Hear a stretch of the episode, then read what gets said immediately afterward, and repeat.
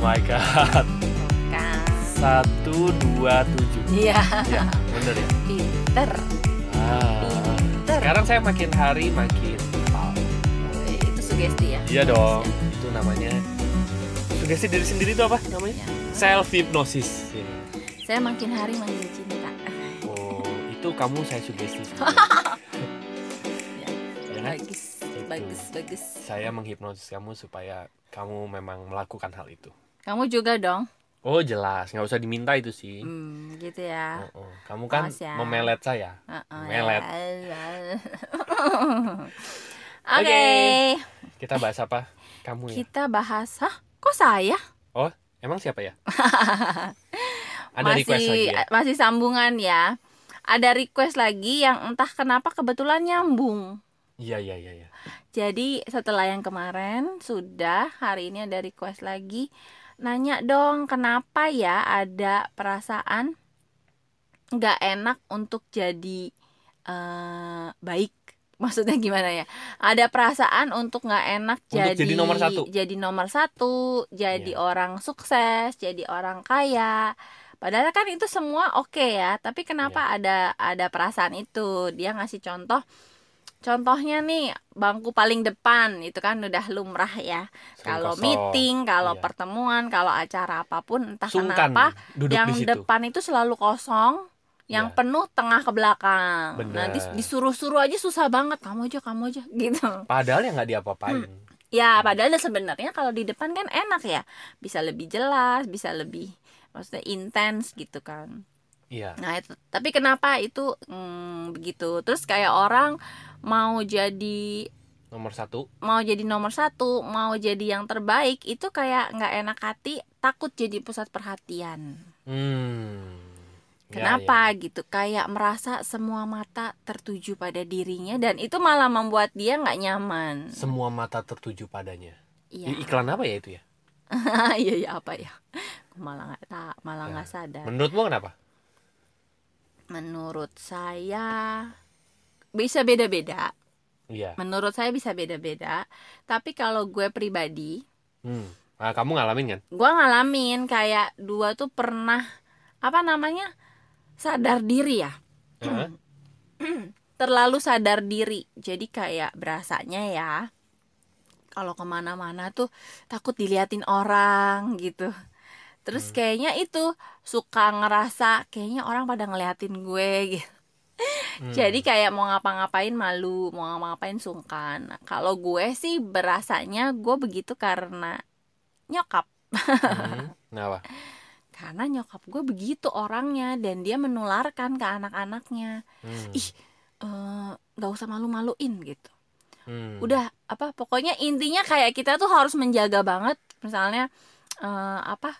Semua orang nanti pada liatin tak atau apalah kayak Hmm. segala urusan baju aja tuh ribet karena ih nanti orang lihat ini loh terus ih nanti itu kelihatan ininya jadi ribet gitu. Jadi itu ke bawah sampai gue gede dan untungnya gue punya pasangan yang eh, 180 derajat dari nyokap gue. Ari itu malah super cuek gitu. Jadi kalau gue ya ribet eh, apa apa apa dia bilang ih apa sih? Nggak ada yang liatin tahu oh oke gitu. Jadi sorry. Akhirnya gue belajar untuk ya seimbang lah.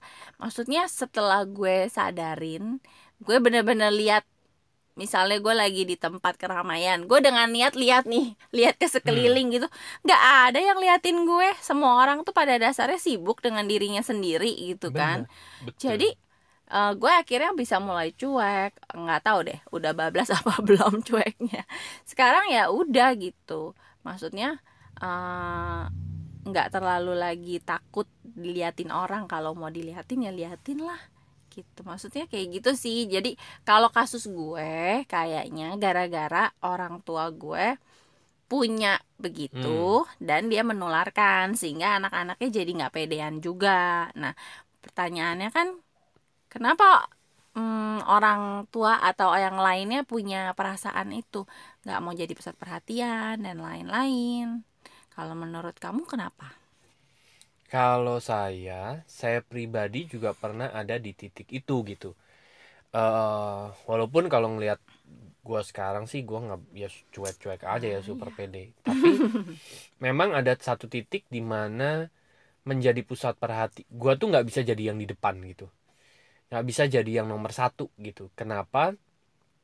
Karena kalau gue ingat-ingat lagi gini kebutuhan dasar emosi manusia adalah perasaan ingin diterima diakui, dihargai gitu kan. Ah. Nah, sedangkan coba kalau ingat kita ingat-ingat waktu kecil, kalau kita waktu kecil duduk di paling depan waktu kita sekolah gitu ya, itu kan Hmm. dicapnya anak pinter, anak kapas. Kita merasa waktu itu serasa tidak diterima oleh lingkungan kita, dianggap nggak asik ya. dianggap nggak asik gitu ya. Anak-anak pinter kan dianggap nggak asik gitu ya dalam lingkungan itu gitu. Padahal cap itu diciptakan oleh anak-anak yang setengah pintar gitu ya supaya mereka diterima gitu kan ujung-ujungnya mereka rebutan rebutan perasaan penerimaan kok Eh bener loh. Gitu. Maksudnya karena kalau nyokap gue sering eh, bilangnya gini-gini.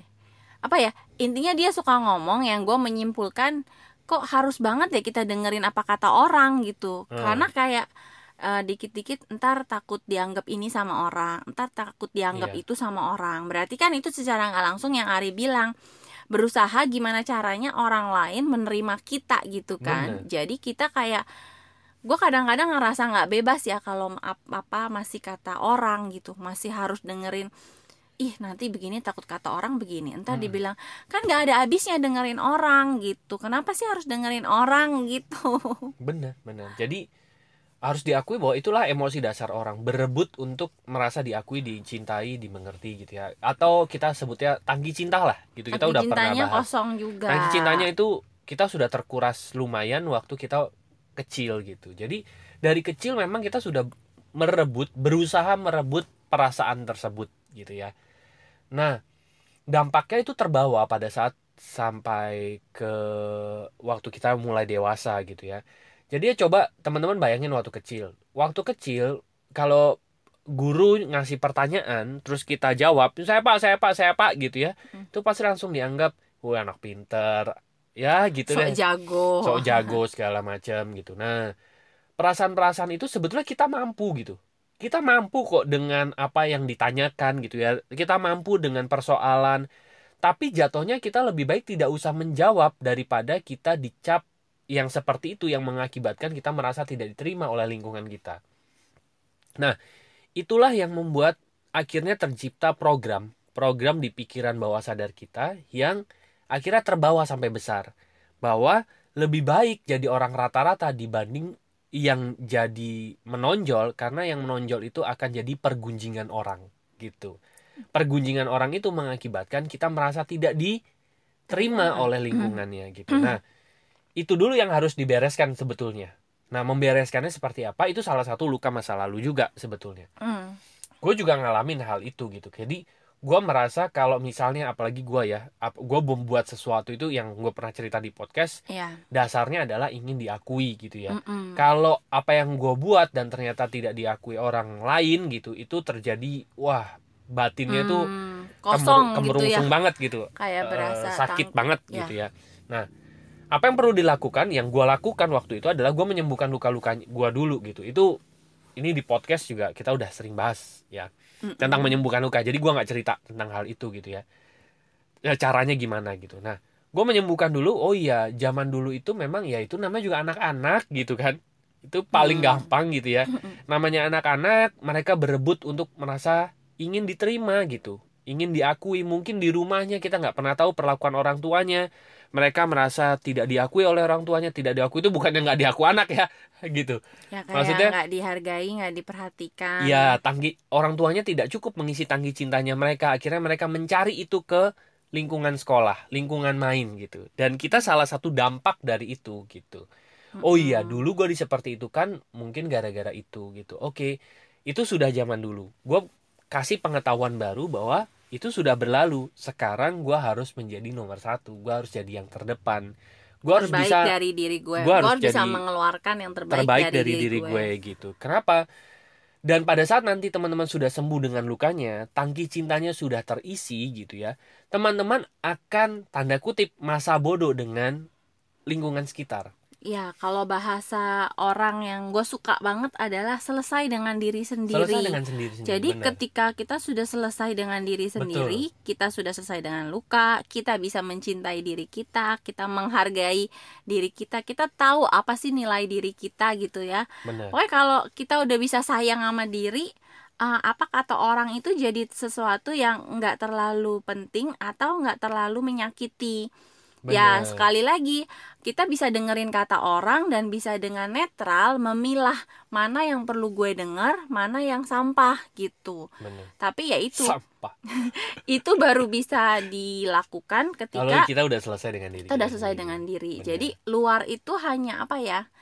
Hanya eh, ya yang di luar gitu.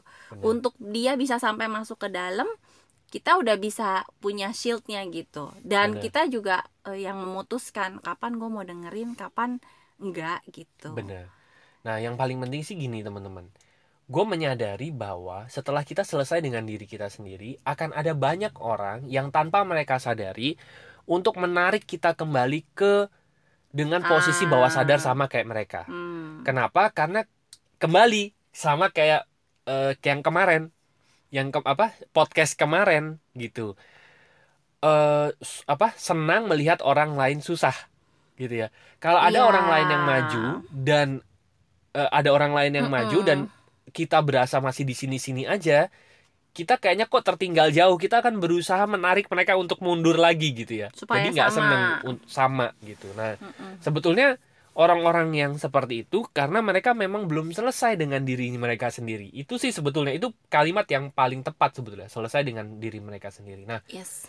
untuk itu taraf selesai dengan diri kita sendiri harus benar-benar selesai supaya kita nggak ditarik eh, ke belakang lagi oleh yang seperti itu. Nah, cuman jangan membenci orang-orang yang menarik kita ke belakang. Oh Enggak. ya. Tapi ingat satu hal bahwa orang-orang yang menarik kita ke belakang, orang-orang yang memang masih terluka itu aja. Dan mereka Just- juga mungkin tidak melakukan itu atas dasar Kesadaran. yang Iya.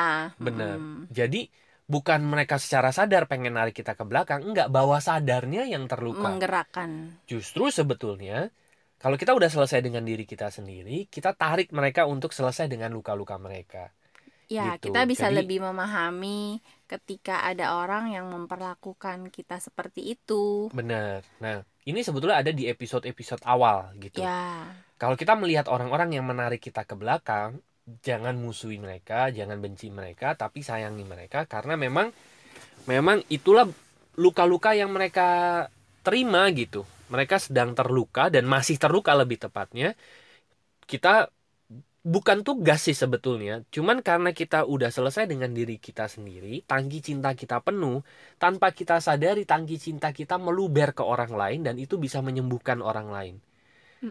Mm-mm. Kalau tangki cinta kita meluber ke orang lain, mereka merasa diterima, mereka merasa diakui gitu ya. Itu kan mengisi tangki cinta mereka kan, sebetulnya kan. Mm, mm-mm. Pada saat tangki cinta mereka penuh juga, mereka akan mulai maju ke depan. Mereka akan menjadi versi terbaik menurut diri mereka sendiri gitu. Nah, gue kasih contoh aja deh. Sebetulnya gue akan mau buat sebuah apa ya sebutannya ya gerakan mungkin ya. Waktu itu udah pernah kita bahas sih. Iya, dan ini Ya. nyaris jadi gitu ya. Ya, ini udah lebih Udah jelas jelas banget gitu. mau dibuat apa ya. saya kasih ininya nggak ya judulnya nggak ya Nah, nanti aja lah ya nanti nggak apa- aja dibuat eh, podcast, podcast sendiri. sendiri gitu ya nah gue kasih contoh begini orang-orang yang eh, masih terluka gitu ya gue kasih contoh satu aja namanya rekening psikologis rekening psikologis ini adalah salah, salah, salah satu contoh kita ditarik ke bawah kita terus berusaha ditarik ke bawah oleh lingkungan kita Hmm. contoh ya mm-mm. eh, penghasilan kita saat ini itu sama dengan rekening psikologis itu begini.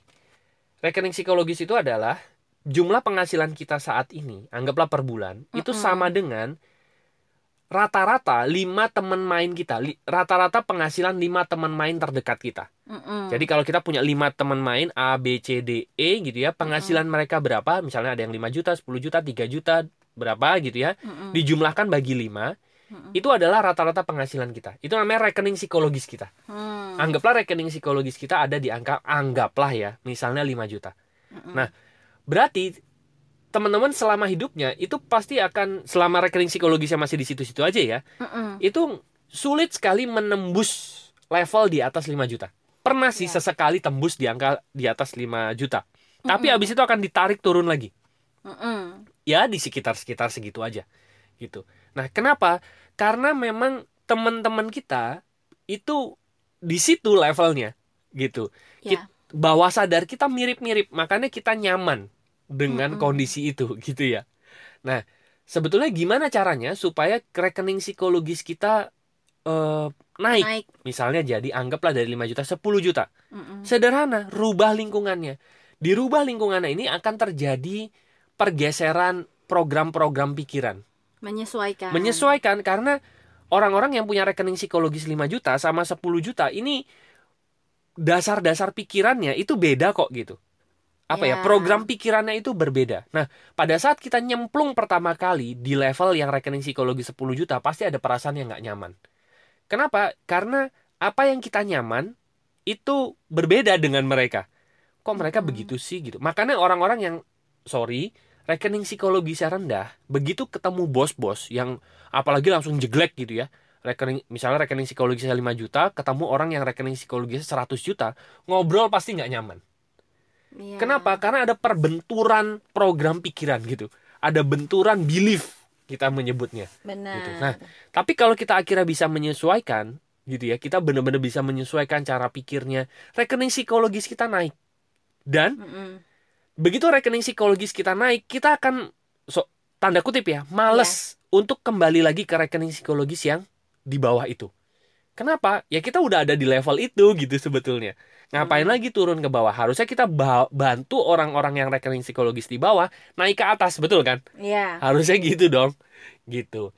Nah, tapi bukan punya kita tidak ber, kita nggak menemani gitu ya. Kita nggak main sama orang yang rekening psikologisnya di bawah. Enggak. Berteman dengan siapa aja gitu ya. Berteman dengan siapa saja, tapi ring satu pertemanan kita kita perlu jaga. Yang kita mau bermain di level mana sih sebetulnya. Nah, itu contoh. Kalau teman-teman nanti turun lagi berkumpul dengan teman-teman yang di rekening psikologis yang anggaplah 5 juta, akan jadi seperti itu lagi gitu. Hmm. Nah, Itu satu contoh soal duit. Dan ada banyak contoh kasus lagi soal hubungan. Berteman dengan orang-orang yang tangki cinta hubungannya penuh-penuh itu berbeda dengan orang-orang yang berkumpul dengan orang-orang yang tangki cinta hubungannya setengah gitu. Yang dibicarakan beda, gosip beda. Yang di sini suka ngegosip, suka julid gitu ya, yang rekening ya rekening apa tangki cintanya sedikit gitu gitu ya. Itu beda obrolannya gitu. Dan Iya. pada saat teman-teman masuk ke orang-orang yang tangki cinta hubungannya penuh, langsung ada terus em, langsung terbesit dalam pikirannya, ada pemberontakan bawah sadar. Masa iya sih ada orang hubungannya sebagus itu? Kayaknya nggak masuk akal deh. Mm-mm. Itu terjadi benturan pasti di bawah sadar gitu. Nah, tapi sekali lagi pilihan. Ini pilihan teman-teman mau Iya. ada di mana. Program bawah sadarnya mau ada di mana.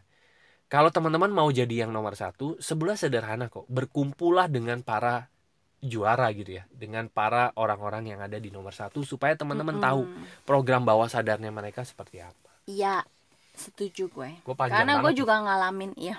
Biar puas, Pak. Iya. Karena gua ngalamin, itulah Iya. yang gua rasain gitu. Nah, Rusi lebih parah. Waktu itu dia pernah waktu SD atau SMP. Gue tuh dari dulu dibilangnya sama guru, gue tuh nggak pernah cukup berusaha terlalu keras untuk pengen jadi juara satu gitu. Jadi Mm-mm. juara dua, juara tiga aja gue, gue udah happy. Maksudnya udah gitu nggak nggak effort juga kan. Iya. Padahal kata guru-guru kalau kamu usaha kamu bisa jadi juara satu gitu dan waktu itu gue mikirnya buat apa ya maksudnya apalagi gue pernah ngalamin tuh gue kan temenan sama sesama Sama. ranking lah ya Iya. itu tanpa disengaja ya memang temenannya begitu cuma ya gue punya temen dari yang segala kalangan juga ada gitu Mm-mm. tapi lumayan deket nih sama yang sama-sama ranking Ya, tuker-tukeran lah satu, Iya, dua. satu. Tapi dia Nah. mah keseringan dua, Iya, karena ya udah gue mah ya udahlah yang penting gue happy gitu kan. Hmm. Maksudnya nggak terlalu ngotot belajar juga. Nah sekali waktu nggak tahu gimana, gue bisa gue bisa ranking satu gitu. Hmm. Nah temen gue yang biasa ranking satu kan jadi ranking dua. waktu bagi rapot dia bete loh Hmm. terus dia nggak ngomong sama gue gitu. Kan gue bingung karena gue belum ambil kan. Jadi gue ketemu dia sebelum bokap gue ngambil dia udah beres. Terus biasanya kan nyapa atau apa gitu happy senyum apa apa ini kok hey gitu. Terus dia yang cuma hmm, gitu. terus bete terus dia langsung pulang. Gue kan bingung kenapa ya dia? Ternyata pas gue udah ambil rapot gue baru tahu oh gue ranking satu ternyata dia ranking dua. Hmm. terus dia jadi bete gitu kan. Kalau buat gue sih nggak terlalu penting gue ranking satu ya udahlah mendingan gue ranking dua daripada lihat temen gue bete gitu Hmm. mungkin itu juga ngefek jadi ke gimana ya gue tuh sampai SMA kuliah gitu sering banget dibilangin teman ada aja teman yang bilang lu tuh kalau belajar bisa lo lebih dari ini gitu Mm-mm.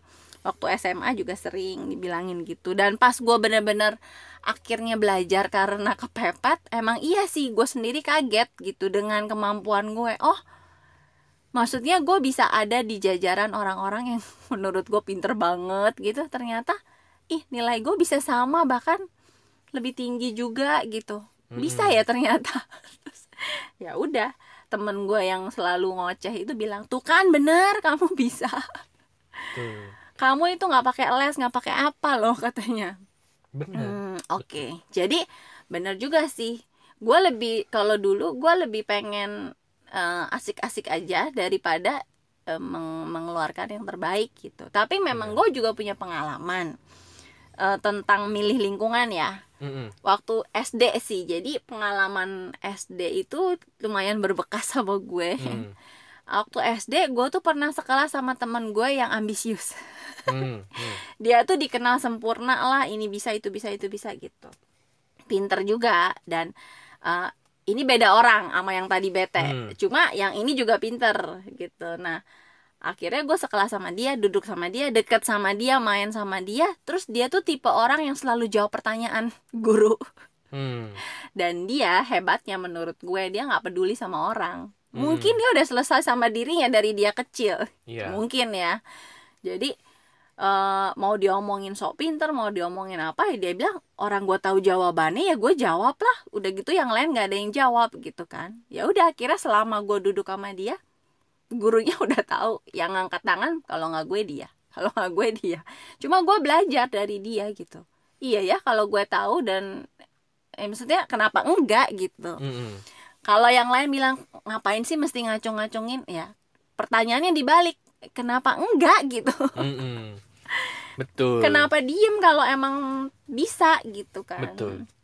ya jadi bener sih pilih lingkungan itu ngefek banget Benar. karena mindset kita cara kita memandang sesuatu tuh jadi eh, ya jadi beda gitu betul, betul, betul. terus ya kayak gitulah Bener. sih ngerasa oh iya juga sih kalau ngelihat ke belakang ya kalau boleh nyesel walaupun ya udah berdamai juga.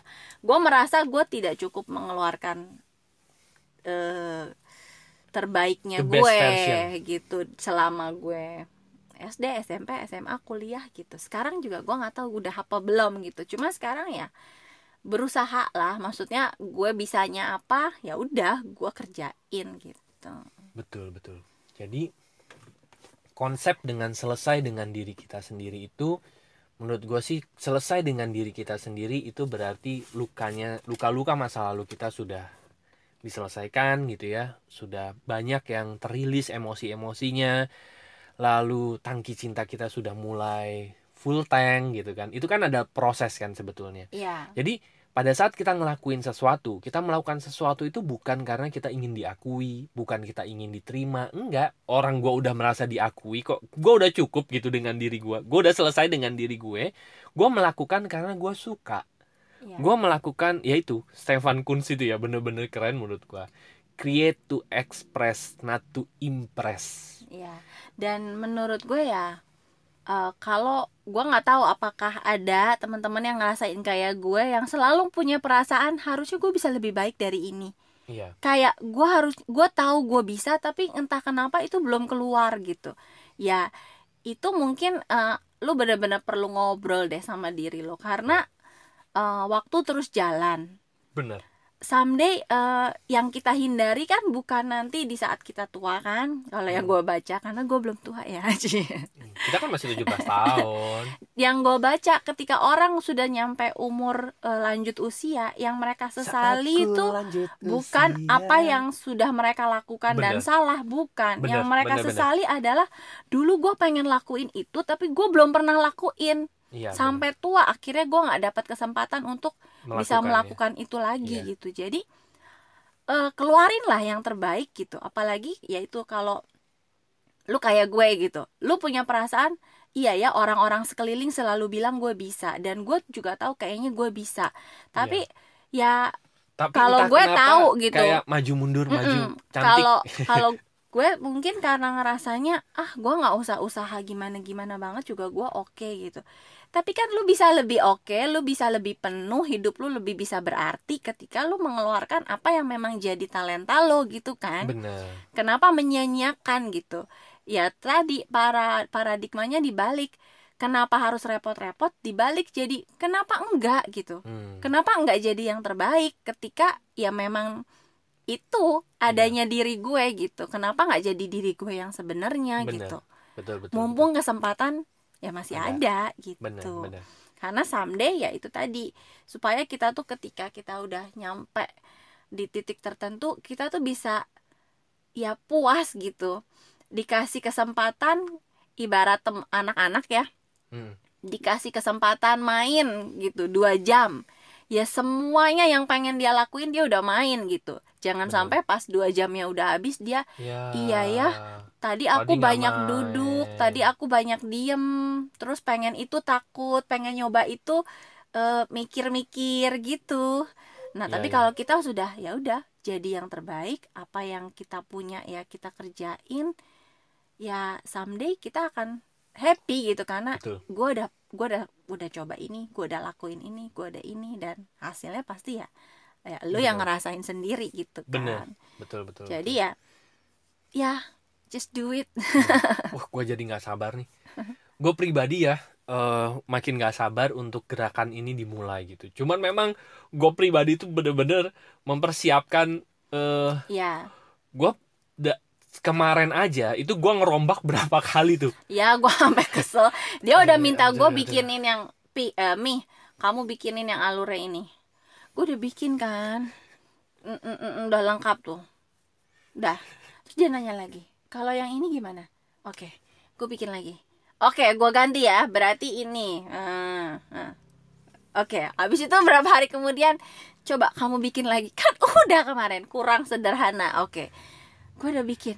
Ujung-ujungnya dipakai nggak? Coba saya tanya. Pakai itu Oh, akan dipakai. gitu dipakai. Saya gigit terus akhirnya gue berubah drastis lagi karena soalnya Ari tuh pengen eh, gini ya yang susah itu kan dari yang rumit dan dalam dibuat sederhana. Iya. Supaya orang bisa eh, ya melihat itu sebagai sesuatu yang sederhana. Dan lagi eh, kita pengen akan banyak orang yang bisa menyampaikan yang ingin kita sampaikan benar benar. dengan cara yang mudah gitu yang semua Benar. orang bisa deh gitu. Benar benar benar. itunya yang bikin prosesnya jadi susah karena eh, kalau mau disampaikan dengan rumit sih ya udah langsung aja ngomong gitu kan. Tapi kan iya.